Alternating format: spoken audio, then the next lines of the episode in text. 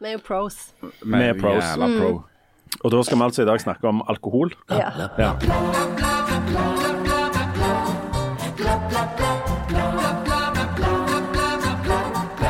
Noen sa noen forhold til det, slag Det er litt kjipt. Det er fire avholdsfolk som skal sitte og snakke Ja, det er litt, drit akkurat det, da. Men, Heldigvis har vi god erfaring med å snakke om ting som vi ikke har greie på. Ja. absolutt. Så det er en voldsomt velutvikla empati i dette med å sette seg i den andre sted, forresten. Eh, Kan ikke du skrive den blurben? Det jeg får veldig OCD av at du bare må liksom ha full kontakt. Best of times, worst. Bortsett fra det med best of times. Ai, ai, ai, det blir ærlig. Hjertelig velkommen til Aftenbladet. I sommer skal vi gjøre det vi liker aller, aller best, nemlig å snakke om oss sjøl. ja. Det, har- det har vi en slags kjernekompetanse. Det er jo det beste temaet. Det er Eller- et fascinerende tema. Ja, veldig, veldig fascinerende. Et, et, eh, et, en uendelighet av interessante ting. Et overflødighetshorn. Og når vi, har, når vi har spurt folk hva de vil høre om, så har vi fått masse forskjellige svar. Ingen av de var at de ville høre mer om oss, men det, Det det, er jo sånn blir mange det. som sier de vil høre mer om meg. Snakk for deg Tror selv. tror jeg. Opp, jeg opplever det sånn. Familien til Harald er veldig interessert i å komme dypere på mennesket. Men uh, dette har utgangspunkt i noe eh, Jan, faktisk Vi sjekket litt sånn eh, hva som var blitt sagt tidligere, og på et tidspunkt så sa altså Harald noe intelligent. Sjøl ei blind høne kan tidvis eh, glimte til å finne noe korn. Ikke sant? Altså, jo, Ja, ja, ja. eh, en gang så snakket vi om Jeg husker ikke hva det var vi snakket om, men eh, Antageligvis oss sjøl. Ja, sannsynligvis var det oss sjøl. Men da eh, kom Harald til å si at en sann intellektuell er i stand til å skifte mening. Og så kombinerte den det med en kritikk av spesielt modne menn som var totalt ute av stand til å skifte mening. Og da kom jeg i tanker etterpå med Har jeg skifta mening om noe etter jeg ble voksen? Eh, og hva var det som skulle til for å gjøre det? For det er jo vanskelig å skifte mening. Så i sommer skal vi rett og slett hver av oss fortelle om ting vi har skifta mening om i sommer, som jeg tror mange voksne folk vil kjenne seg igjen i. Hvordan skal vi skifte, eller hvordan skal vi forholde oss til dette? Og Det med å skifte mening er jo, det er jo en, en nødvendig ting å få til, men det er vanskelig. Ja, for det, det er jo noe som, hvis vi skal være helt ærlige, vi gjør det veldig sjeldent. Altså, Det blir jo sett som et sånn hedersmerke at en har evnen til å gjøre det, men, men hvor ofte skjer det egentlig? Nei, det var akkurat det. Ja. Og interessant nok, vi var Nå, Der svikta stemmen allerede, det er bra. På forsommeren så havna jo eh, du og jeg, Leif Tore, eh, ei sein natt på bar. Det er interessant, jf. dagens tema. Men der møtte vi ei, eh, ei dame, eh, arkitektdame. Ingrid? som- Ja, Hei, Ingrid. Ja, Ingrid, Hei, Ingrid. Også, men òg Randi, som Ja. sa dette. Nemlig når vi snakket, nå, så sa vi at vi skulle snakke om endring. Og da sa jo hun Randi det var interessant, for det er jo det alle må gjøre framover. Det er jo det vi må gjøre, det er jo det som er det store temaet i vår tid, er endring og at vi må endre oss. Og det er kanonvanskelig. Who wants to change? Alle retter opp hånda. Who wants to change? Ingen retter hånda. På den. Alle vil ha endring, men ingen vil endre seg. Men så har vi jo alle eh, forhåpentligvis da gjort noen ting som, eh, som er nytt. Og nettopp det at, eh, at vi ble sittende på en bar der en veldig sen kveld, det er nok ikke noe som eh, Jeg har ikke vært tittgjeng på disse barene eh, etter jeg var 18, sånn som dere andre har vært. Um, ja. Ja, du har vært, du har vært på en måte sammen. Det si, du har av og til vært innom, og det har alltid vært fint, for da har vi visst at vi har hatt sjåfør. ja. Det har jo vært, vært god å ha sånn. det har vært mitt bruksområde. Jeg har vært å kjøre litt så, og- og- folk hjem og spa de ut av bilen. Og så um, Nå som du ikke liksom kan kjøre lenger, så jeg lurer vi jo litt på hva vi skal bruke deg til. Takk. Men uh, okay. Så kan dere finne, finne et bruksområde. Nei, altså um, Jeg um, vokste jo opp Jeg er jo misjonærbarn. Det har vi jo nevnt tusen Det- ganger. ja. Men jeg er jo vokst opp i eh, et sånt kristent miljø der ehm, alkohol på en måte ikke var noen sånne store spillere i hverdagen. Altså, det var ikke noe vel, Enormt mange av de som jeg er vokst opp sammen med, og familie og sånt, eh, drakk jo ingenting alkohol. I hvert fall ikke som vi visste. Det er godt mulig at de, de tok seg en knert når de var i, i Syden og sånt. Og mor mi hadde en del sånn likør og sånt, men det var til is. Kun til is. Ja, men vi lagde is av det. Ja, for hvis du tar likør oppå is, så forsvinner alkoholen. Det er akkurat det det som er var teorien? Ja, det, er det ikke sånn det virker? Jo ja, Ja. det er sikkert sånn det virker. Ja. Mm. Vi sier det sånn. Alkoholkompetansen i mitt miljø var jo ikke sånn, var jo ikke sånn skyhøye. Nei, altså jeg vokste opp i, i eh, en noe sånn tørrlagt eh, tradisjon, da. Um, avholdsbevegelsen, gode gamle avholdsbevegelsen som Men religiøst fundert, religiøst fundert da? Ja. Jeg, vil, jeg vil si at det er en blanding av sånn eh, religion og fornuft. Um, altså, hvorfor skulle du holde på å drikke alkohol? Um, og eh, en blir jo fort en sånt uh, slags produkt av der en vokser opp. En blir nokså sånn. Så jeg jeg drakk jo ikke jeg tenkte ikke at eh, det der med å drikke alkohol skulle være noe som jeg skulle holde på med. Men selveste han Jesus, han gjorde jo vann til vin. Ja, men han var utlending. Ja, Ja, sant? Utlendinger holder jo på med veldig Holder på med mye Ja. forskjellig i utlandet, de gjør det. Ja, men, men det var, det var nokså sånn tørrlagt eh, bedehus og, kirkemiljø og sånt. Eh, Og, jeg, eh, Når du er unge, så tror du jo at det som du holder på med, og det som du opplever, er normalen. sant? Det er vanlig. Mm. Men jeg, antar at kanskje dere ikke er Ingen av dere er sikkert oppvokst i sånn avholdsbevegelse på den måten, kanskje? Nei? Nei, det var ikke så mye av det, men, men du skal ikke grave så langt eh, bak i slekta før, før du hadde det i min familie òg. Altså min, eh, min eh, oldemor, altså mor til min farfar, hun var voldsomt avholds og veldig religiøse. Eh, oppvokst i det vi i dag ville kalle dyp fattigdom i, i gamle Stavanger. Eh, som datter av en sjømannsenke. Eh, veldig små kår. Eh, og hun var nok et sånn typisk eksempel på de som ble avholdsfolk òg fordi at de forbandt alkohol med eh, den elendigheten alkoholmisbruket ja, ja. Altså hvordan alkoholen ødela familier, hvordan eh, lønninga gikk til nærmeste vannhull istedenfor til kona og ungene. Eh, og derfor hadde det der i seg. Og det, det var jo noe som prekte også store deler av norsk arbeiderbevegelse i, i utgangspunktet. sånn så eh, Einar Gerhardsen og Håkon Lie og disse her, de var jo veldig forsiktige med alkohol, og til dels òg avholdsfolk, av mer sånn prinsipielle grunner. Ja, Og Avholdsbevegelsen har jo vært sånn eh, et resultat av at, eh, av at det, det, kunne gå skikkelig gale, og, og religion. Altså at Jesus syntes det var dumt, selv om han gjorde Han gjorde jo vann til vin, men vi liker det ikke. Sant? Um, ja. Men, men, men du, du, du, du er ikke noe sånn tørrlagt hjem hjemme hos dere, sant? Nei, det vil, vil være en overdrivelse å si. Men eh, det går jo en sånn historie i, min familie om at når min farfar og farmor da hadde uh, foreldrene, eller eh, mor hans på besøk, da, så hadde farfar da tatt seg i nakken og satt en flaske vin på bordet for å markere at han tross alt var en selvstendig mann og kunne bestemme sjøl. Og når måltidet gikk mot slutten, så skal da min oldemor ha sagt det er med sorg, Magnus, at jeg ser at flasken nå er tom. og da min farfar svarte der er vi helt enige, mor. Men eh, Jan og Jan, dere er heller ikke sånn, oppvokst i en sånn eh, totalavfallsfamilie og foreninger og sånt? sant? Nei, absolutt ikke. Men jeg tror nok at det, er litt sånn som, så Harald sier, at eh, i besteforeldregenerasjonen så, så eh, Mamma mi gikk jo i, i hva er Godtemplerungdommen. Eh, og- men hun var jo hun var jo eh, fra en sånn middelklassefamilie som, som var imot alkohol pga. det som eh, en så at alkohol kunne gjøre med familier. Mens, eh, eh, mens eh, farmor og farfar var jo mer fra en sånn arbeiderklassefamilie og hadde liksom den bakgrunnen. Men det var, det var ikke noe religion inne i bildet. Og på Bryne var det Ja, Heisastemning altså, og god eh, trøkk i greiene? Ja, jeg, jeg vokste heller ikke opp i en, i en avholdsheim, men eh, alkohol på Bryne og på Jæren var en enormt viktig markør for ikke minst eh, dette med religion, og, altså kristenhet. Sånn at det, eh, Mor og far var jo ikke altså Begge to kom fra hjemme der der det var uh, kristendom. Uh, Um, så farmor og farfar, der var det jo to, altså det var, det var ikke noe alkohol inne i bildet der omtrent. eller Iallfall aldri se farmor og farfar. Så det betyr at vi liksom alle våre sånne julaften eller familieselskap har alltid vært alkoholfri. Det har aldri vært en, en dråpe alkohol der.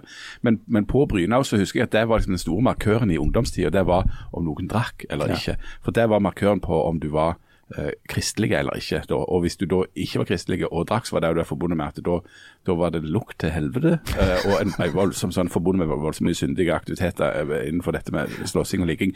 Men, og det er òg interessant å, å ha med seg, da, jeg vet ikke om jeg har nevnt, men jeg har et hovedfag i sammenhetspolitikk, at nettopp av, avholdssak på Vestlandet ofte gikk i sammen med eh, lågkirkelighet, altså den religionen, og nynorsk.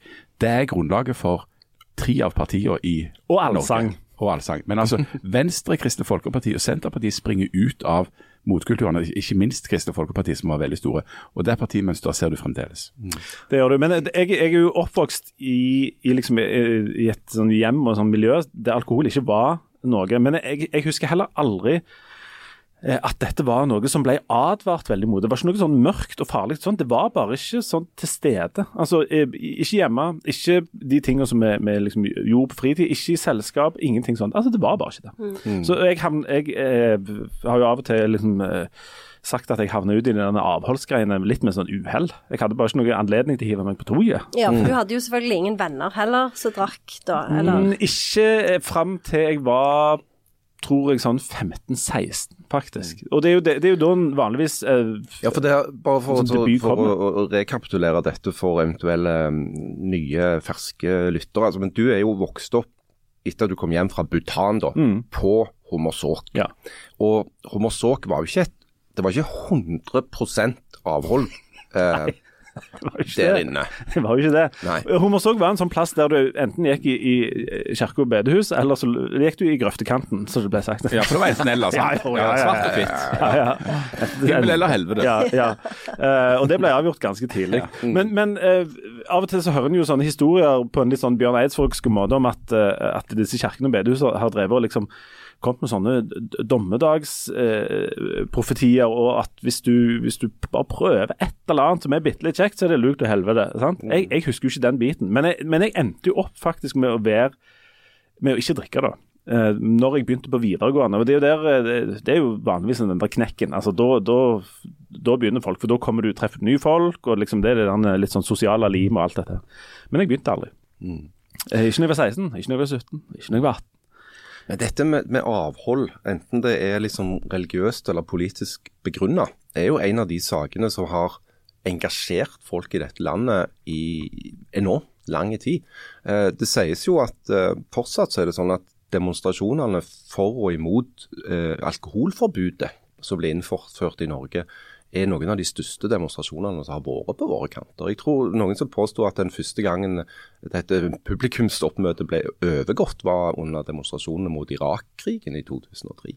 Folk er mer imot krig Ja, det jo enn alkohol, men det er touch and go. Jeg tror at sånn Relativt sett så gikk folk altså mann av huset for og imot eh, alkoholforbudet eh, den gang da. Eh, og, og, og, og, Det der politiske utgangspunktet er ganske interessant. for at eh, I arbeiderbevegelsen da, så sto det veldig sterkt at eh, alkohol det var jo en måte å holde folk nede på. Holde folk nede i fattigdom og elendighet. og, Det er ikke tvil om heller, for de som har studert litt lokalhistorie, at alkoholen bidro til ekstreme sosiale nød. Fordi at pengene gikk ikke dit de egentlig trengtes mest. De gikk til, til fylla, rett og slett. Og det er en av de tingene som jeg husker altså det, var, det er jo ikke helt når, når jeg på en måte etter hvert velger å bare ikke drikke alkohol, så er det jo ikke, det er jo ikke bare tilfeldigheter. Jeg husker jo for eksempel at jeg har gått på skole med folk som helt sånn åpenbart der dette var et problem hjemme. Og sånne ting tenkte jeg ikke sånn veldig mye på når jeg var liksom 13-14 eller uh, sånt. Men når jeg ble litt eldre, så var det der en tanke som lå bak i hodet mitt. At um, det der kunne liksom oppleves veldig, veldig vanskelig og litt sånn uhyggelig og sånt. Men for min egen del så endte det jo opp med at jeg eh, som sagt ikke drakk når jeg var 16, 17, 18, 19, 20, og så bare fortsatte det. Eh, når jeg gifta meg jeg, jeg, Selvfølgelig kommer jo fra et sakralt eh, kirkelig miljø, så jeg gifta meg når jeg var ca. 16,5. Og på, på, på bryllupsnatta da, måtte jeg- da sto det sånn champagne på hotellrommet. Oi. Og da følte jeg meg forplikta til å drikke det. Så da helte jeg oppi En av de tingene du ikke lærer når du ikke drikker alkohol, det er mengde. Altså hvor mye skal du ha i glasset? Så jeg fulgte det godt opp til det rant over, og så tenkte jeg at dette smaker sikkert så ringt at jeg må bare ta alt i en slurk. så jeg heiv ned på et svært glass med sånn. Eh, og En megapint. Ja, ja megapint. Ja, for dette var jo på, på bryllupsnatten med alt, alle de eh, Implikasjonene, forventningene, Ja, og implikasjonene. Det, Ja. ja. mm. Så det var jo, jeg hadde jo, eh, det var jo store forhåpninger før det glasset, og etterpå så måtte jo jeg ha liksom tre kvarter på, på å blant annet. For du hadde ikke drukket brus heller? Selvfølgelig ikke drukket brus, jeg hadde jo forberedt meg voldsomt. Det var ikke det det skulle handle om! Nei, men det vi kan ha en egen spesialinngang som bare handler om bryllupsnatten. Ikke sant? Det, det skal vi ha. Det blir en voksen edition. Blir en voksen. Det blir minst 25 år Ja, det handler om at Leif Tore sitter i en. Brød, kom igjen, kona! Nei, jeg skal ikke gå inn på det, men jeg må si det jeg, jeg satte òg veldig pris på at Eller Gorpa. Gorpa, ble sittende og gorpa. frisøren hadde Jeg skal ikke snakke veldig mye om dette, men frisøren hadde utstyrt kona mi med 600 sånne fliseklemmer i håret som hun måtte ta ut før vi liksom kunne, kunne gå til eh, ta, ta kvelden. Ta kvelden, ja. ja. Nok om det! Om det, ja. Nok om det. Greia var at jeg, jeg hadde noen sånn Janne fått sånn rykning. Nå ser Janne veldig, veldig sliten ut i øynene. Jeg følte meg ikke forplikta til å aldri smake på noe, men jeg hadde ikke liksom lyst å, å Det der med å begynne å drikke tenkte jeg var Nei, det, det gidder jeg ikke. Og så skal vi spole litt sånn langt fram. fordi at eh, på et eller annet tidspunkt så blir du da 30-40. Jeg hadde en avtale med kona mi om at jeg skulle prøve å begynne å drikke litt når jeg var 40. Rett For, men for kona di, hun har drukket litt. Ja. Ja. Litt grann. Ja. eh, Men, men lite, men, men litt. Og hun Ja. har, mange ganger sagt at det hadde vært så koselig hvis, eh, hvis du òg kunne tatt deg et glass. Helt ærlig så for, lenge forsto jeg ikke helt det. Nei, nei. Hva er? Jeg kan jo sitte her og, og drikke vann eller spise ei skive. Det er Kjempekoselig, det òg. Det er jo det. Ja. Slipp med den gorpinga. ja sant. Mindre raping og forskjellig. Nei, men helt ærlig jeg, Med kneipen. ja, Ja. Så hun kunne gjerne, Hvis hun tok et glass eh, hvitvin, f.eks., kunne jeg ta en kneip med sabla. Er ikke det like koselig? Å, jeg ler med den krinen. Jeg hadde en avtale om at når jeg ble 40, da skulle jeg ta meg sammen. Jeg ble 40, ingenting. Men når jeg var 41 Mer saulat. ja, Mer servelat og kneip. Da gikk jeg over på sånn surdeigsbrød. Det, det er koselig, da. Surdeigsbrød inneholder faktisk litt grann alkohol. Ja, og det var der det begynte. Begynte å gjære igjen. Det, det er en slippery slope. På et eller annet tidspunkt for Jeg, kan ikke, jeg husker ikke nøyaktig hva tid det er, men så tenkte jeg at jeg skulle prøve, da. Og da var jeg altså passert 40 med, med sånn brukbar Ja, med margin. god margin. Med god margin. Og så tenkte jeg eh, da, og da, da, det, da det der en øyeblikket kommer der du setter deg ned i sofaen, så må du tenke skal jeg gjøre det, eller skal jeg ikke gjøre det. Så satte jeg meg ned i sofaen, og så prøvde jeg å gjøre sånn som en skal gjøre. Finne argumenter for og mot.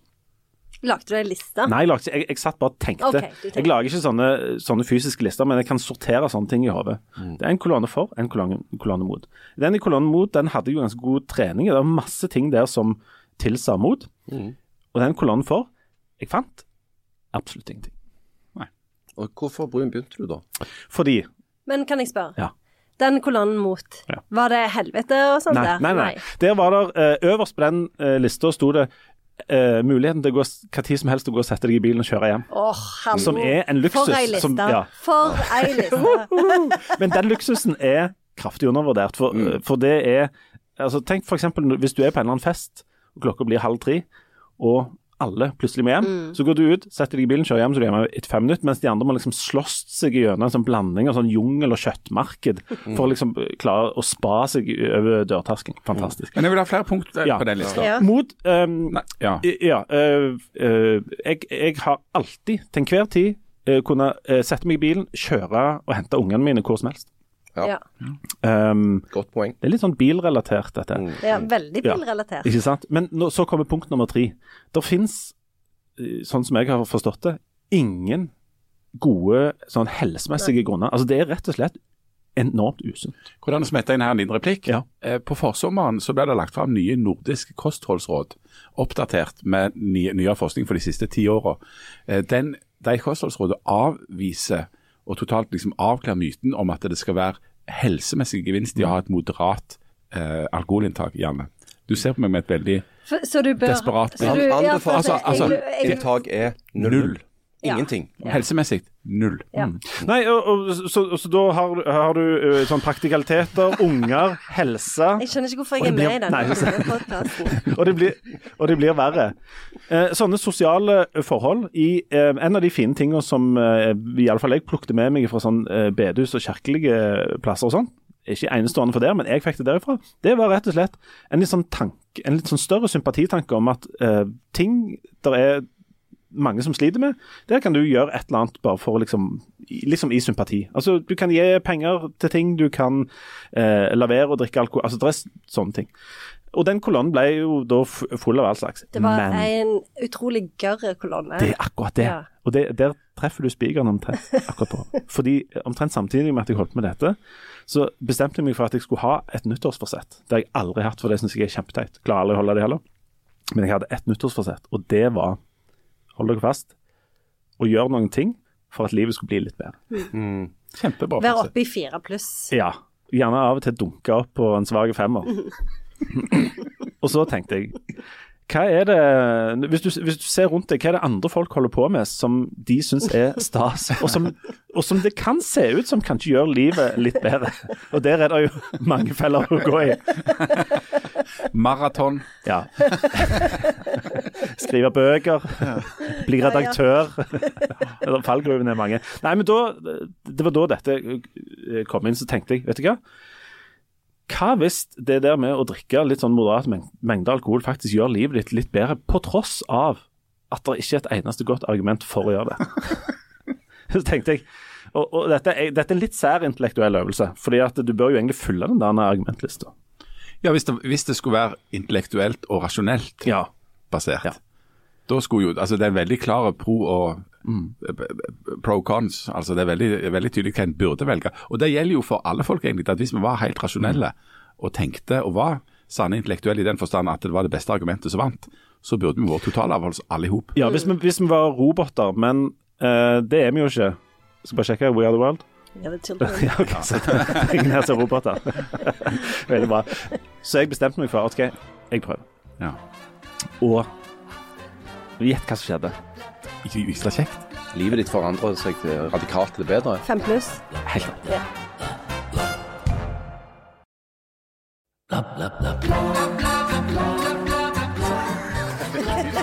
For, for et, altså, nå tror jeg at Lars Hoftedal som grunnla denne avisa på sånn avholdssak og, og, og en, jeg kjenner en dirring. Jeg kjenner en altså, jeg dirring. roterer Ja, den i sin grav. Ja, jeg tror vi kunne kobla og fått lagt noe på han nå. Asbjørn Kloster òg roterer voldsomt. Ja, Men saken er vel at uh, det er jo en god del valg vi tar i livet, altså beslutninger vi tar i livet som ikke nødvendigvis kan settes opp i sånne kolonner for og imot. Altså, Det er, er en god del ufornuftige ting vi foretar oss som er ganske kjekt. Eh, og Det er derfor jeg blir litt sånn skeptisk til sånne kostholdsråd og de greiene der. For det at det, der, der er en form for sånn en nødtørftige snusfornuft i det, som er ganske ulekker. Ja, ja, du kan la være å, spise rødt kjøtt, du kan la være å røyke og drikke, du kan trene mer og sørge for å få nok søvn. Og summen av alle de aktivitetene vil garantert føre til at du får eh, et bedre helse senere i livet og kanskje til og med leve lenger. Men jeg er ikke sikker på om det fører til at du får et så veldig mye bedre liv. Det, det er litt sånn som med jogging.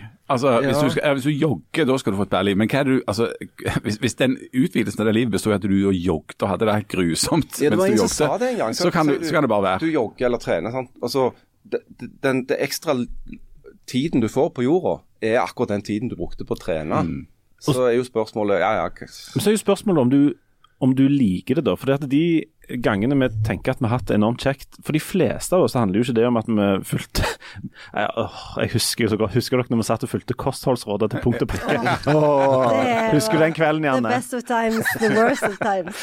Men eh, for du, du jogger jo, sant? Mm. Antageligvis Galning. Nei, men Psycho. du, du liker det sannsynligvis, da, sant? Fordi at jeg husker, og jeg har sikkert snakket om denne før, men jeg elsker en sånn artikkel som var i Dagens Næringsliv for sikkert sånn 15 år siden. Og der intervjuet de masse forfattere som drev og jogga. Og da Det var så interessant å se, fordi Vigdis Hjorth hun var sånn Ja, jeg jogger sånn at jeg kan drikke to øl etterpå. Eh, eh, eh, Gunnar Staalesen var sånn Jeg jogger bare for å få liksom ut gruff. Hanne Ørstevik, jeg jogger sånn at jeg ikke skal bli tjukk. Altså, alle hadde så mange forskjellige grunner til å jogge, men sånn som for meg, når jeg jogger, så kjenner jeg meg rensa etterpå. Så hvis jeg ikke får jogge, så blir jeg veldig sånn Jeg blir litt sånn deprimert og tung og syns at ting er vanskelige. Ja, for du, for du liker det. Jeg ikke liker sant? å jogge, Ja. mm. Det som viste seg med, med, med dette med å liksom eh, småstarte litt med alkoholen i, i sånn veldig voksen alder, det er jo at det beriker Altså, det kan, kan berike. Det har i hvert fall gjort det med mitt liv da, på noen måter. Jeg er veldig glad i mat. Eh, og har jo oppdaget dette dere andre har gnålt om lenge, at hvis du eh, for hvis du går på restaurant av en viss eh, kvalitet, så er de der drikkevarene på en måte halve måltidet. Mm. Eh, og tro meg, å sitte og spise sånn syvretter og drikke uh, Pepsi Max Not so much. Det er, det, det er litt trist. Jeg så det en gang på Renå. altså Renå, Renå, den der eh, dyre Renå. En som hadde full gru uh, servering med cola til alt. Ja. Da tenkte jeg, hadde jeg et lite behov for å gripe inn, Ja. faktisk, men jeg gjorde det jo ikke. Men jeg tenkte det er å kaste vekk enormt mye penger. Men jeg husker eh, Det er jo veldig lenge siden nå, men jeg husker når jeg drakk min første øl. Eh, fordi jeg var òg Hvor gammel var du da? Da var jeg eh, sikkert sånn 20.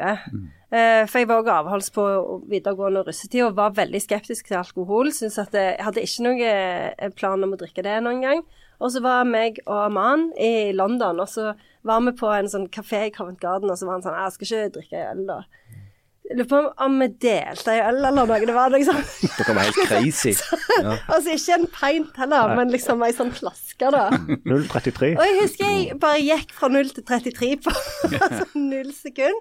Og jeg ble så glad. Og jeg bare, jeg husker jeg, jeg bare, Det føltes som jeg, det føltes som jeg fløy gjennom det. Dere skulle jo tatt en pint, for det, det var jo det han Frank Strandli sa. Ja, ja. Han, sant? Det var pint som var den beste ølen han visste. Den følelsen der Ja. er jo eh, Det er jo det som gjør at altså Det er jo den som på en måte veier opp den der lista den kolonnen med, med gode grunner til ikke å gjøre det. Fordi eh, det folk som ikke har prøvd avhold og ikke helt tror jeg har innsyn i, det er de tinga avholdsfolk enten går glipp av eller blir satt på sidelinje med. Fordi når du ikke drikker, så syns folk det er Når du er på sånn firmafest og sånn ah, De første gangene du, de oppdager det, så må du liksom forklare det og synes det er litt sånn interessant og spennende. Ja, det er jo stilig og sånn. Ja, veldig kult og sånn. Og neste Altså Men, men de folka som da ikke drikker, de blir um, ikke nødvendigvis bevisst, men de blir ekskludert fra ganske mange sosiale sammenhenger. Fordi at når jeg ikke drakk, så var ikke jeg var jeg aldri en sånn person som folk ringte til og spurte bare sånn Du, skal du være med ut? Fordi at den setningen der handler i ni av ti tilfeller skal du være med ut og ta noen glass, f.eks. sant? Så du blir jo altså ikke invitert. Det er ganske løye å se. Eh, Si at jeg har, jeg har liksom småputla drukket litt i halvannet år, da, eller noe sånt. Hvor enormt mange flere invitasjoner jeg får til sånne sosiale ting som handler om ingenting. Altså Ikke eh, bursdag eller julaften og, og, og sånne ting, men bare sånn Skal du være med ut? Skal du komme eh, i hagen og sånt? Og det, det ikke, Folk gjør ikke det der med vond vilje, men du, du havner på utsida hvis du gjør litt sånne odde og rare valg. Fordi Og her kommer liksom den, den der liksom Det store eh, argumentet for på en måte alkoholen er jo at det er det der sosiale glidemiddelet, enten vi vil det eller ikke. I, i, i Norge er det i alle fall sånn. Men det er jo en fare, Leif Tore, for at du har gjort eh, en klassisk tabbe nå. For at du har begynt å drikke akkurat idet det ble kult å ikke drikke. For det at det, nå viser det seg jo at... I motsetning til alle mine andre livsvalg der jeg har ligget liksom På langt. Jo, men for det, nå viser det seg at stadig flere velger faktisk vekk alkoholen. Mm. Eh, ikke av religiøse grunner, og heller ikke fordi de er aktive i arbeiderbevegelsen, men fordi det er en slags trend. Eh, det merker eh, Siden vi har et vinmonopol i dette landet, så har vi jo òg ekstremt eh, eksakte data på hva folk eh, holder på med når det gjelder det med drikking. Og trenden er jo stadig mer alkoholsvake eh, produkter. Så Altså Sterkvin og søtvin og sånt noe har jo eh, salget gått rett i kjelleren. Eh, Så det er, det er en del som tyder på at eh, de oppvoksende slekter eh, er liksom for tida da, i en sånn der steam hvor det gjelder å, å passe litt mer på, være litt mer nøktern og drikke litt mindre. Uh, og det tenker jeg det kan være mange gode effekter av det, selvfølgelig. Um, Samtidig så det totale konsumet i Norge er brukbart, og det er ikke noe sånn drama. Det er ikke er noe fare for at Vinmonopolet går konk sånn Nei, men det at alkoholvanene endrer seg litt. Det er liksom litt mindre spritfudler og litt mer sånn uh, hvitvin i hverdagen og sånn. Det, det er kanskje det de snakker om i litt kontinentale vaner, da, at du kanskje drikker oftere, men mindre. Uh, og, og jeg tenker jo f.eks. at uh, altså den tradisjonelle norske grøftefudla i helgene som, som noen regner for å være en liksom, del av den norske folkesjela. sånn, Det er ikke nødvendigvis noe det var verdt å ta vare på. Det som, det som er vårt problemet i andre land som har hatt den mer kontinentale eh, måten å drikke på, er jo at de har altså ikke det nordiske eller nærmest russiske sånn blindfylla. Det, det har blitt et problem sånn, altså lenger sørover fra på en måte Danmark og nedover. At det, at det har vært tendenser de siste årene til at de har kombinert de. At det både er jevnt forbruk og eh, blindfylla. da. Sånn at det er, jo, det er jo større på en måte alkoholproblem eh, sørgjennom da. Men jeg syns det er enormt interessant eh, det du sier, Leif Tore, om det der, for, for det er sånn, Jeg har ikke tenkt på det, men, men, men du har jo helt rett. altså du, altså du inviterer jo ikke et avholdsmenneske til at du skal gå ut med noen kompiser og treffes på, på, på Kardinal eller Martinique. For det, det, det er plassene holder på med at de serverer alkohol. Ja. Eh, og, og, og igjen, jeg tror heller ikke det er vondt meint. Nei, nei. Um, Du, du inviterer jo ikke folk som har avlagt kyskhetsløftet til stevne i swingersklubben heller. nei, det er altså ikke. Og folk som ikke er interessert i fotball, altså er du jo litt sånn restriktiv med å ta med fotballkamp. Ja, så det, det er helt naturlig. Jeg har lagt merke til en annen ting, og det er eh, at eksempel eh, i juni så tror jeg at jeg eh, Hvis jeg skulle på en måte der, tror jeg jeg kunne hatt en jevn promille på 0,8 omtrent ifra første til 30. Bare sånn av ting som skjer. Altså sånn eh, Et lite selskap her, fest der, en avslutning der og sånn. Og når du først begynner å komme ut på denne galeien, så legger du òg fort merke til hvor enormt ofte disse anledningene for å ta seg bitte litt oppstår. Um, og det er ikke snakk om annenhver lørdag, altså. Det er Og, det, og, der ligger det jo, og det er jo interessant i arbeidslivssammenheng. da. altså, god, eller, ja, altså sånn Arbeidsliv og avslutning og den følelsen en må ha med at vi avslutter absolutt alt hele tida, som jo lenge har innebåret sånne litt vassende pølser i reggen og sånt. Men, men det er jo enormt mange av disse anledningene, da. Og det er jo, Hvis du da skal bli litt sånn mørkemannsaktig og, og jeg skal vende tilbake til min egne, min egen farmor, på en måte, så ligger det jo en fare der, da, for å si at du da ikke har eh, altså Alkohol er jo en gift eh, som er avhengighetsskapende. og Hvis du har eh, noen anlegg der, ikke minst, så kan du fort havne i trøbbel. Og det, og det er jo da det andre sosiale problemet i den andre enden, da, at det er så mange anledninger der det er alkohol, og det, det, er liksom, det er veldig vanskelig å si nei til det. og Det, er liksom, det krever en slags disiplin for å begrense det. Så, så, så Der ligger det jo en potensiell fare i at så mye av både det sosiale livet og av arbeidslivet er knytta til alkoholkonsum, og at det ligger veldig sterkt på deg sjøl at du må beherske det. Du skal beherske den koden som ligger at du skal drikke litt, og så skal du beherske at du ikke skal eh, tippe over. Og at det ikke skal være noe du fortsetter med når du går hjem, eller at du må ha det hver dag. Så. Ja, og det er jo ganske interessant også, for altså, i, hvis du følger avisene i uka, så kommer det jo over ganske mange artikler hvor det er fokus på dette her med at du skal begrense deg, og hvor mye du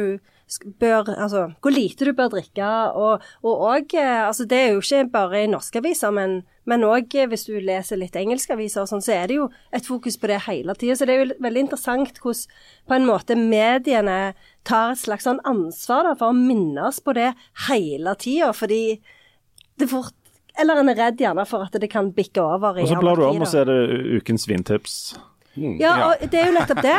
Det er kjempeinteressant. Ja. Uh, og, og sånn, så Det var jo en sånn artikkel i Guardian for noen uker siden om hva alkohol gjorde med kroppen din. Uh, og jeg leste bare overskriften.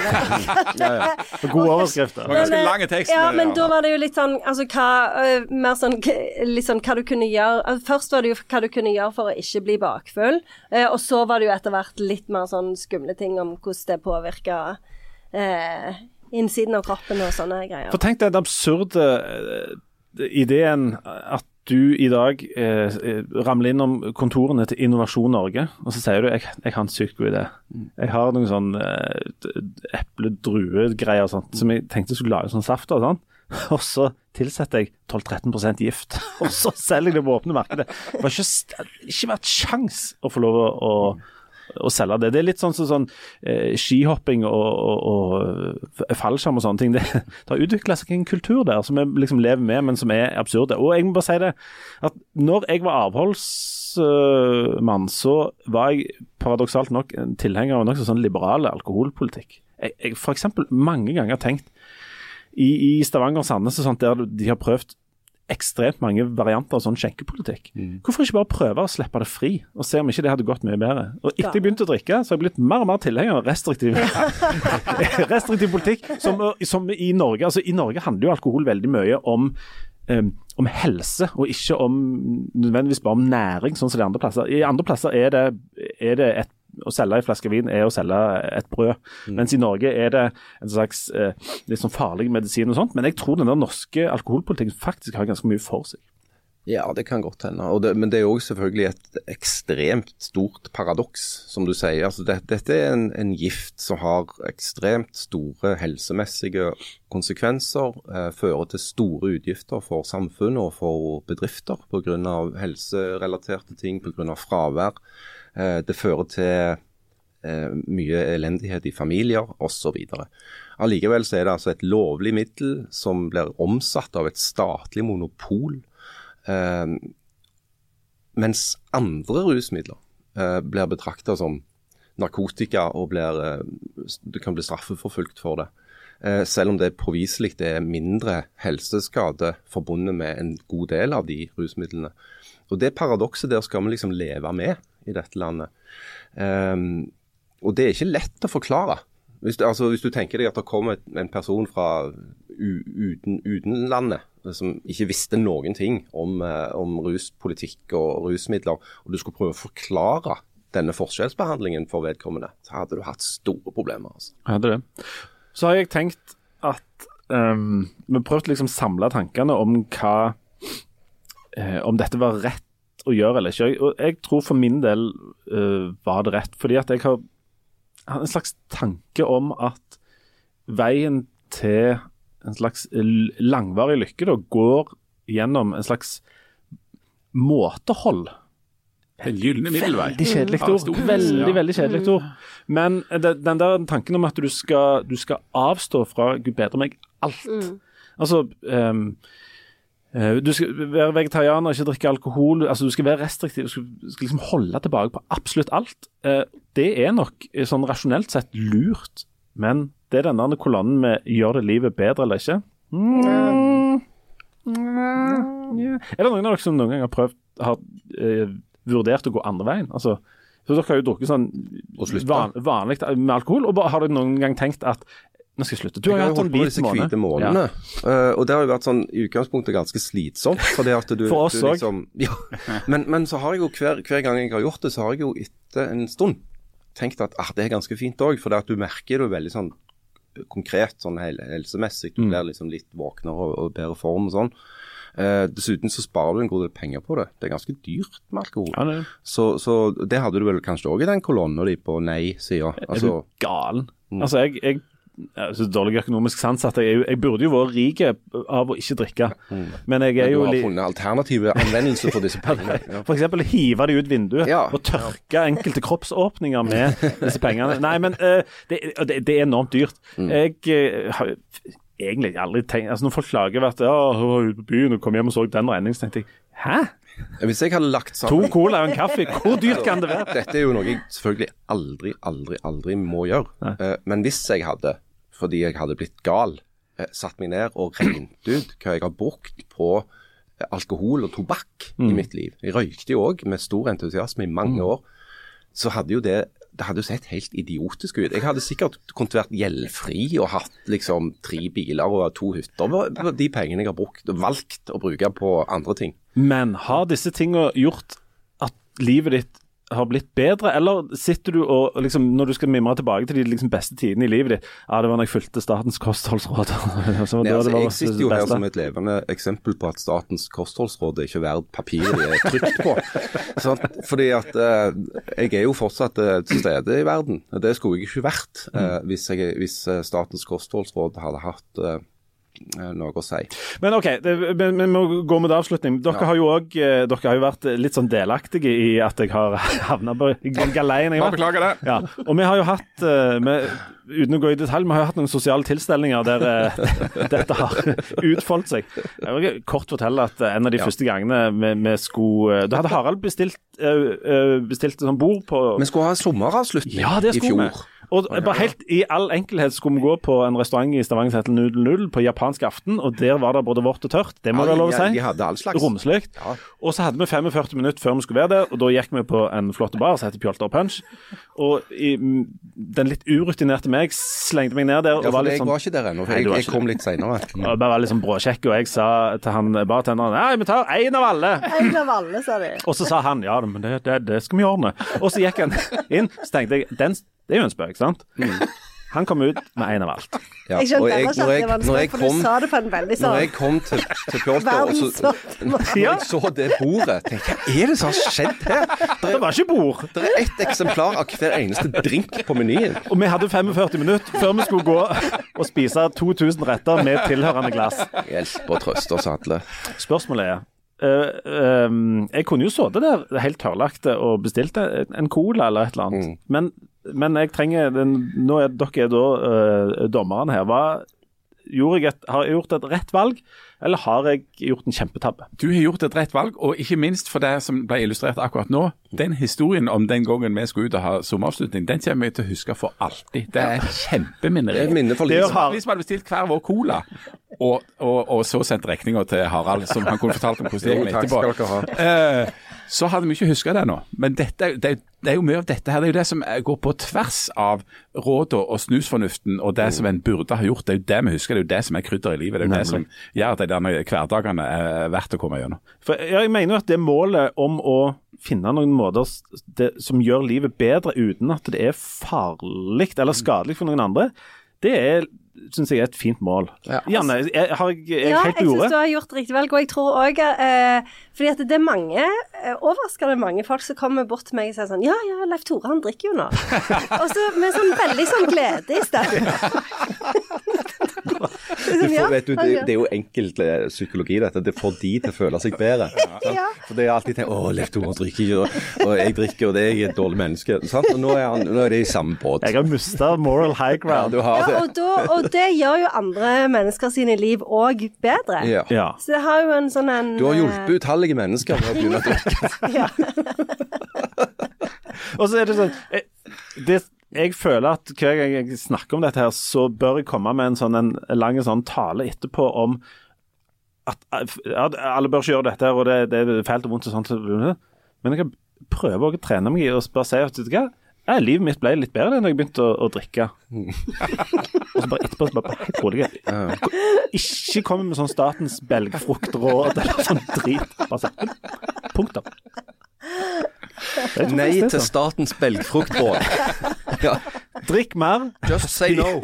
Drikk mer, spis mindre linser. Ja. Bare ta de linsene og Ja, Du er gal, Leif Tore. Jeg er du crazy. er crazy. Kristen er crazy. Ja, det er veldig bra. det er gode greier, Eh, det. nei, men får jeg godkjent på, på sånn som, Får jeg godkjent på dette som en slags eh, lavterskelintellektuell øvelse, Jan? Absolutt. Dette er endring. Eh, Dette var eh, virkelig å snu om på en stor ting i livet sitt, og eh, til det bedre. Veldig fint å registrere. Så det er terningkast seks. Ja. Skål. Fra meg òg. Skål. Skål, ja. er endringsvillig. Skål. God sommer. Skål med kaffe. Skål. Nei, nei. Det er- Ja, bare sånn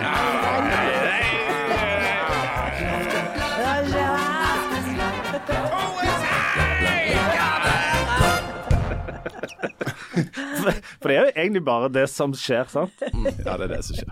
Du blir Tore Tang. Det er et lite glass Chablis, så plutselig Så er du der. Det er livet chablis.